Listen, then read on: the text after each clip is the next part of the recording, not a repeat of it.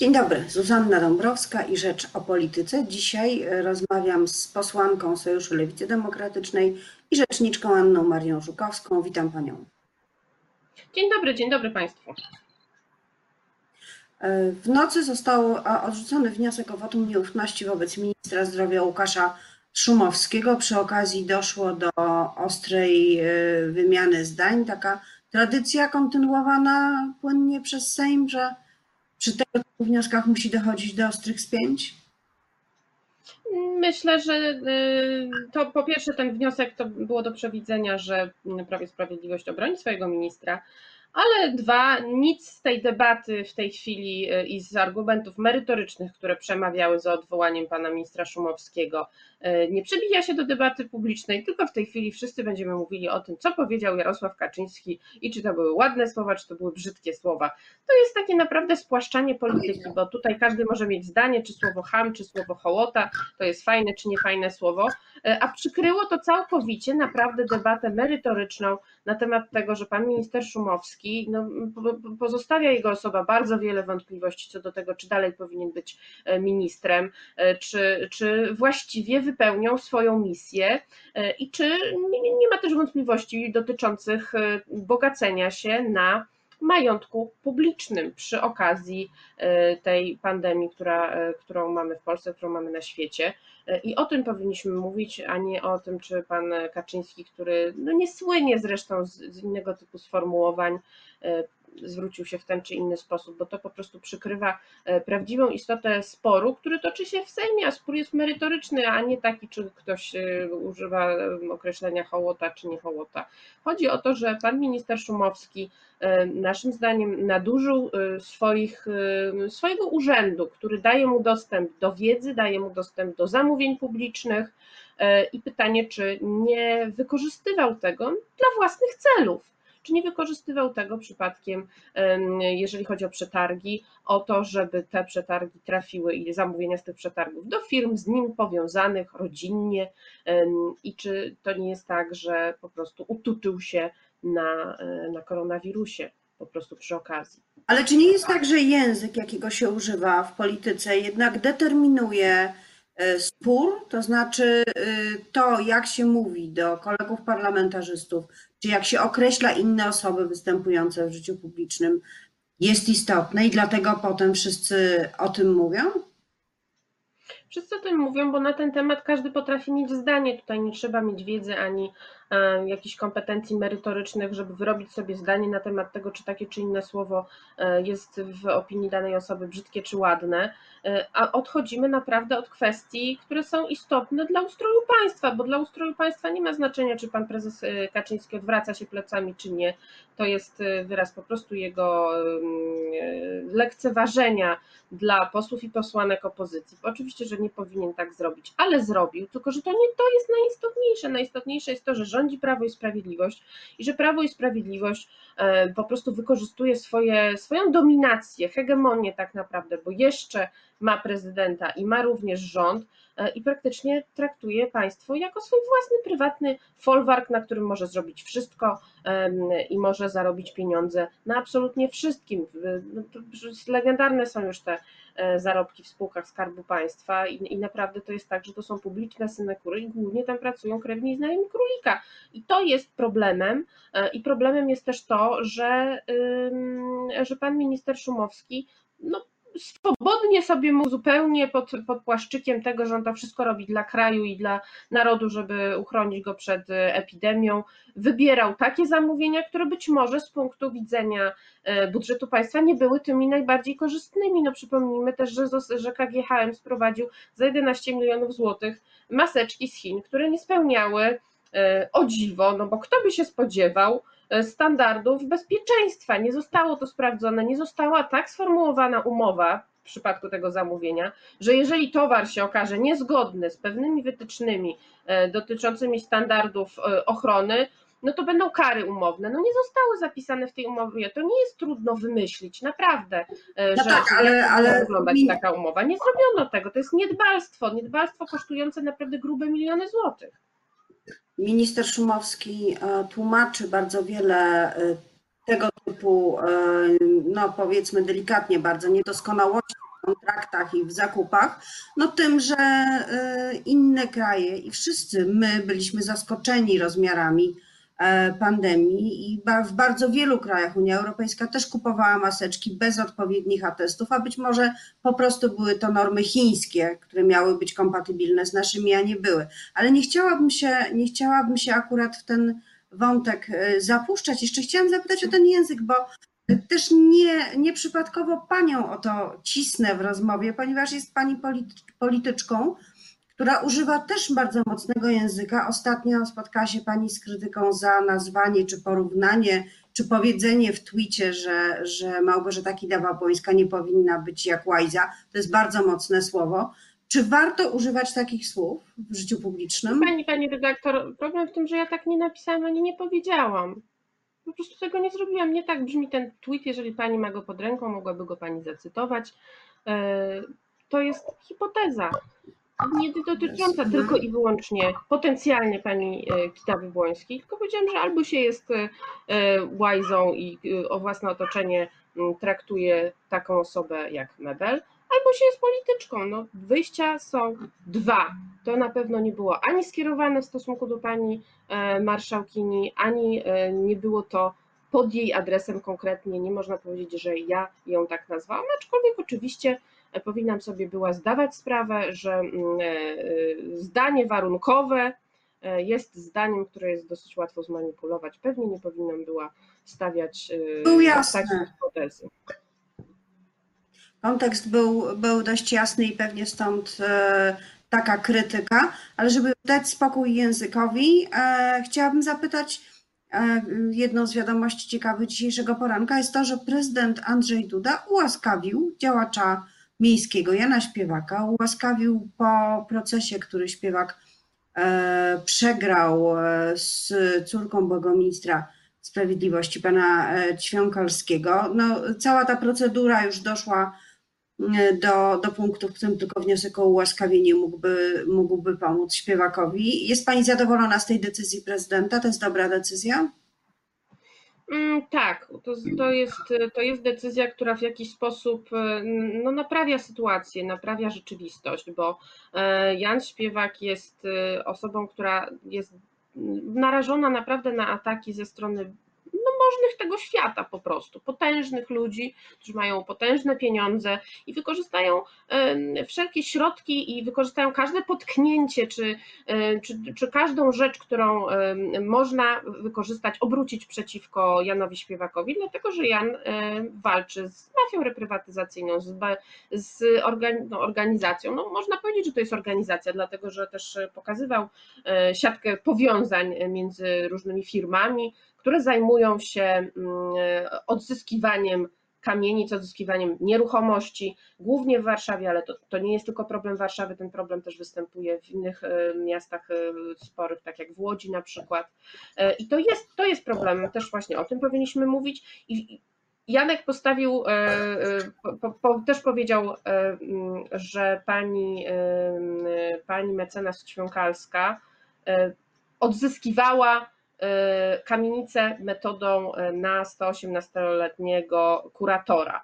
To jest pewien skrót myślowy. Też być może Janek powinien się dłużej podrapać po głowie, zanim wygłosił taką tezę, ale nie wygłosił jej zupełnie bezpodstawnie, dlatego że e, pani Ćwiąkalska kuratorem w tej sprawie była. Ona oczywiście twierdzi, że jak się dowiedziała, że to jednak em, 118, 118 lat musiałaby mieć ta osoba, dla której kuratorem została i że ta osoba nie żyje, no to wtedy wypowiedziała em, bycie kuratorem. Niemniej jednak ten proces trwał i to nie jest jednostkowy przypadek, dlatego że w Warszawie mieliśmy bardzo dużo takich e, spraw, w, którym, w których po prostu stawali kuratorzy reprezentujący e, w domyśle osoby, które powinny mieć niejednokrotnie nawet jeszcze więcej niż 118 e, lat i trudno przypuszczać, żeby tak bezkrytycznie każdy z tych mecenasów podchodził do, do tego, czy rzeczywiście, aby na pewno ta osoba, e, w imieniu której odzyskuje nieruchomość, e, żyła i i na pewno to było pokierowane interesem tejże żyjącej w domniemaniu osoby, czy też chodziło jednak o to, żeby przejąć kamienicę, a potem za bardzo małe relatywnie do wartości tej kamienicy czy nieruchomości pieniądze ją sprzedać. Dlatego myślę, że jak się jest taką osobą walczącą z wielką niesprawiedliwością, i, i, bo to nie tylko chodzi o kwestię mafii reprywatyzacyjnej, ale Janek też wielokrotnie blokował eksmisję. E, to jest się narażonym na to, że, że ta druga strona wykorzysta każde najdrobniejsze potknięcie czy błąd po to, żeby zamknąć usta takiej osobie, dlatego że ten wyrok to byłby dla Janka E, no duży problem, bo, bo to były bardzo duże pieniądze i on sam chyba mówił, że po prostu wtedy będzie e, musiał pójść do więzienia w sensie kary zastępczej, tak jak to było w przypadku Piotra Ikonowicza, który też nie zapłacił grzywny i została ta kara mu zamieniona na karę e, aresztu. I, I, w związku z tym uważam, że dobrze się stało, że prezydent wykorzystał swoją kompetencję chociaż raz w dobrym celu i chociaż raz zgodnie z przepisami, czyli już po prawomocnym skazaniu, aczkolwiek nie mam tutaj wątpliwości, że jest to też wpisane w logikę kampanii wyborczej, że jest to element kampanii wyborczej prezydenta Andrzeja Dudy, no ale cóż, no dobrze, że, dobrze, że Janek y, mógł przy tej okazji na, tym, na tej logice kampanijnej skorzystać, bo źle by się stało, gdyby taka osoba, która nie boi się mówić o, o, o patologiach, które są po prostu w warszawskim samorządzie, trafiła za kratki. Po prostu dobrze, że, y, że Janek robi to, co robi. Ma taki charakter, a nie inny, ma taki język, a nie inny. E, ale najbardziej dla mnie liczy się e, liczba obronionych e, lokatorów przez niego przed eksmisją i liczy się to, że naprawdę poświęca swój czas, swoje, swoje życie tak naprawdę też prywatne na to, żeby wskazywać na te patologie i na te powiązania, jeżeli chodzi o odzyskiwanie kamienic. Pytanie, które też zadaje Janek, chociaż jemu się przypisuje, że jest jakimś cynglem PiSu zupełnie bezpodstawnie dlaczego PiS jeszcze nie uchwalił dużej ustawy reprywatyzacyjnej? Po prostu jest już druga kadencja parlamentarna. Prezydent Duda też to proponował, też o tym mówił, obiecywał i co? I nic, bo, bo, bo to jest niestety tak, że, y, no, że y, te, te powiązania i te osoby, które odzyskują te kamienice, są naprawdę bardzo potężnymi, potężnymi osobami i, i po prostu lobbują przeciwko temu rozwiązaniu. Pani poseł, ale czy po tych wszystkich skandalach, które miały miejsce w sprawie reprywatyzacji i po zmianie na stanowisku prezydenta Warszawy, Rafał Trzaskowski, mamy do czynienia w Warszawie z inną polityką w tej sprawie? Czy rzeczywiście um, prezydentowi Warszawy udało się powstrzymać te naganne praktyki, które miały miejsce, czyszczenie kamienic, wyrzucanie lokatorów, e, przestępstwa z tym związane? Nie wydaje mi się, żeby tutaj dużo zrobił w tej mierze. Tutaj pamiętajmy, że jeszcze w związku z COVID-em został przesunięty ten termin. Normalnie do, do, do końca marca on był, kiedy nie można było eksmitować. Teraz jest na czas pandemii to zawieszone i dobrze, i o to walczyła lewica, ale w związku z tym też nie możemy się przekonać, czy rzeczywiście, gdyby nie odgórna ustawa, nie regulacja po prostu ustawowa, to, to czy pan Rafał Trzaskowski E, zmieniłby sam z siebie podejście do, e, do, do takich eksmisji, do takich, do dzikiej też reprywatyzacji. I wydaje mi się, że mm, raczej nie jest to temat, e, który jest najbliższy sercu panu, pana, pana Rafała Trzaskowskiego, powiem tak eufemistycznie. A czy jeśli do drugiej tury wyborów wejdzie właśnie Rafał Trzaskowski i Andrzej Duda, to lewica rozważy poparcie go E, właśnie w tej drugiej turze wyborów, po to, żeby wygrał z Andrzejem Dudą? Jest taka zasada, że o drugiej turze rozmawia się po pierwszej turze, a w pierwszej turze startuje Robert Biedroń e, i to on jest naszym kandydatem i to on jest jedną, jedyną osobą, która między innymi e, mówi jednoznacznie, że ustawę o reprywatyzacji podpisze i mówi także o innych kwestiach związanych e, z jednoznacznie lewicową e, polityką i w sferze gospodarczej, i w sferze światopoglądowej. E, I ja bym chciała się skupić w tej chwili na pierwszej turze, bo my walczymy o jak najlepszy wynik dla lewicy, bo jeżeli będzie druga tura, a raczej wszystko wskazuje, że będzie, że mm, żaden z kandydatów nie uzyska zwycięstwa już w pierwszej turze, to będziemy mieli mandat do tego, żeby nasze postulaty były mm, także pojawiły się w drugiej turze.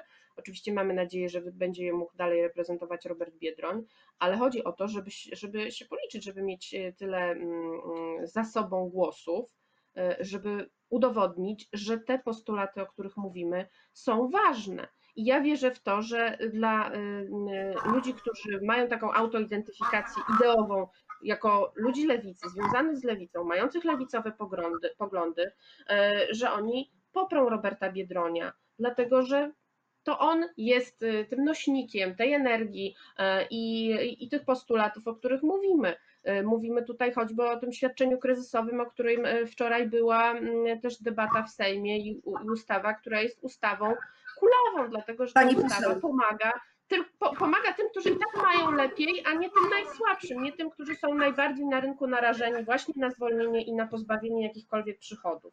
I tutaj się różnimy z prawem. Pani poseł, jeszcze chciałam, jeszcze chciałam e, zapytać o Roberta Pietronia, bo policzenie się, liczyć się może na różne sposoby. W sondażach partyjnych, w preferencjach Lewica ma zupełnie inne wyniki niż te, które osiąga Robert Biedroń e, jako kandydat, więc to liczenie, e, no, można na nie spojrzeć dwutorowo i nie jest, absolutnie nie jest tożsame. Może kandydat jest niedobry, skoro tak się różnią te. Nie, nie, kandydat, kandydat jest e, dobry i nie mieliśmy wątpliwości co do jego wyboru. Problemem dla lewicy na pewno jest polaryzacja. To jest coś, co mieliśmy, jak już jesteśmy przy Warszawie, e, już o tym mówiliśmy, e, mówiłyśmy, e, to wybory samorządowe ostatnie, w których też mieliśmy świetnego lewicowego kandydata i w sprawach ekologicznych, i w sprawach socjalnych, i w sprawach światopoglądowych, naprawdę bez zarzutu. I też myślę, że taki charakterny facet. Mówię tutaj o Andrzeju Rozenku po prostu zmiotła nas niestety polaryzacja, to znaczy on dostał mniej głosów na, na prezydenta niż dostał na radnego miasta. Y, I to jest, to jest ten problem, bo tutaj ścierają się dwa, dwa wielkie obozy mm, PiSu i mm, Platformy Koalicji y, Obywatelskiej, tak jak to miało miejsce w wyborach w Warszawie. Y, I to jest tak, że ten elektorat lewicowy jest jednoznacznie elektoratem antypisowskim, i on w takim lęku, że ten PiS może wygrać, niestety no, nie postępuje zgodnie ze swoim interesem, czy to klasowym, czy to ideowym, i wybiera kandydata z obozu neoliberalnego, byleby to nie był kandydat PiSu. Jeżeli tutaj pani porówna wyniki lewicy, to one są, one są wyższe też dlatego, że tutaj ma, można wybrać między wieloma kandydatami. Tutaj jest tylko jeden jak mamy listę, listę do Sejmu, można sobie wybrać kandydata Razem, kandydata Wiosny, kandydata SLD, ale z poczuciem, że tak czy owak wspiera się lewicę. E, tutaj jest to bardzo spersonalizowane. No, to są takie wybory, wybory prezydenckie. E, I, e, I myśmy osiągnęli wyższy wynik także w wyborach samorządowych w Warszawie jako formacja, niż jako niestety nasz kandydat na prezydenta. Też wtedy przypomnę, że no trochę była, było, były te listy lewicowe, jeszcze było ich, w zasadzie można powiedzieć, że trzy, bo były też ruchy miejskie i te głosy, mm, gdyby były skompilowane, to na pewno byśmy w Warszawie w tej chwili współrządzili, ale tak się nie stało, były trzy listy, te głosy się podzieliły źle się stało, może wyciągniemy z tego wnioski na przyszłe wybory samorządowe. Natomiast w tej, w tej sprawie chciałabym powiedzieć wyborcom lewicy, że jeżeli ważne są dla Was kwestie socjalne i postulaty, e, które my mówimy, o których my mówimy w Sejmie, o których mówi Adrian Zandberg, Włodzimierz Czarzasty, Robert Biedroń, e, Agnieszka Dziemianowicz-Bok, Anna Maria Żukowska e, i wiele, wiele innych moich koleżanek i kolegów, to głosujcie na Roberta Biedronia, bo to jest pierwsza tura i to, czy te postulaty potem będą realizowane przez takiego czy innego prezydenta, też zależeć będzie od tego, czy, czy rzeczywiście one mają poparcie w społeczeństwie, a w tej chwili to poparcie mierzy się wyborami, które są, a są to wybory prezydenckie, także naprawdę warto. Ostatnia warto, minuta, pani poseł, ostatnia minuta. Tak. Pani Słucham, ostatnia minuta naszej rozmowy. Chcę jeszcze zapytać o właśnie te postulaty socjalne. No wczoraj wieczorem przyjęto przedłożenie pana prezydenta o zasiłku solidarnościowym, o podwyższeniu zasiłku dla bezrobotnych. Lewica miała swój projekt E, w tej sprawie, no ale wygląda na to, że jednak obóz władzy, czy to z powodów kampanii, czy z powodów ideowych, no, z- zabiera wam te, e, te postulaty społeczne, Ale socjalne. właśnie, właśnie problem w tym, że to o tym wczoraj mówił też Adrian Zandberg.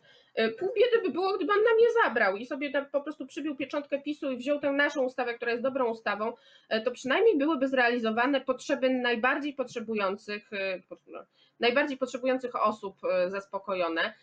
A tak się nie stało. To znaczy w tej ustawie, którą przyjął PiS, są rozwiązania, które pomagają tym, którzy i tak sobie lepiej radzą. Nie ma tam ani pomocy dla osób, które są na śmieciówkach, ani tych, którzy, które i tak były bezrobotne, trwale bezrobotne być może, bo właśnie były w trakcie poszukiwania pracy jeszcze przed pandemią, a jest sporo takich miejsc, choćby województwo warmińsko-mazurskie, gdzie niestety jest spo- spora grupa trwale osób bezrobotnych E, i tutaj nie ma pomocy. No jest pomoc na, na, na, tym, na tym samym poziomie, co też o tym mówiliśmy w Sejmie, e, gdzie była pomoc Platformy, to znaczy 36% em, minimalnego wynagrodzenia, kiedy my po- proponujemy, żeby to była e, połowa po prostu poprzedniej pensji, ale nie mniej niż e, tam 1800 zł. Tak jest na no, większości cywilizowanych krajów. e, Że wiadomo, że no, nagle nie spadną nam wydatki, jeżeli gwałtownie straciliśmy pracę i jeżeli ktoś no, zarabiał więcej, miał też potencjalnie większe wydatki, to po prostu powinno być powiązane z poprzednią pensją osoby, która pracę straciła, bo nie o to nam chodzi, żeby ona potem wpadała w spiralę zadłużenia, po to, żeby obsłużyć te swoje zobowiązania, tylko żeby dać jej możliwość wyjścia z tego i znalezienia pracy. A to, co proponuje Prawo i Sprawiedliwość, to jest tak naprawdę no, no stoczenie się na gło- głodowej, na głodowy poziom, kiedy naprawdę nie będzie możliwości odbicia się, bo żeby człowiek mógł się odbić i szukać e, pracy, to też musi mieć zapewnione swoje podstawowe potrzeby y, życiowe, ale też musi psychicznie się z tym czuć tak, że, że, że te pieniądze pozwolą mu na utrzymanie się, przynajmniej przez jakiś czas. Tego Prawo i Sprawiedliwość nie proponuje. Prawo i Sprawiedliwość w za- w zasadzie zaproponowało co proponowała Platforma Obywatelska, tak jak powiedziałam, 36%, także w zasadzie jak czasami słyszę, że PiS jest partią socjalną, to się łapie za głowę, bo oni naprawdę się niewiele w tych kwestiach różnią od Platformy Obywatelskiej, różnią się troszeczkę, ale no, lewicowy to to na pewno nie jest. Można zakończyć to, e, co pani mówi, jako przedstawicielka lewicy, stwierdzeniem, że Kartaginę zburzyć należy, a PiS nie jest partią socjalną, za co bardzo dziękuję i za dzisiejszą rozmowę. Anna Maria Dziękuję, Żukowska, dziękuję także. Dziękuję Państwu. Sojuszu Lewicy Demokratycznej.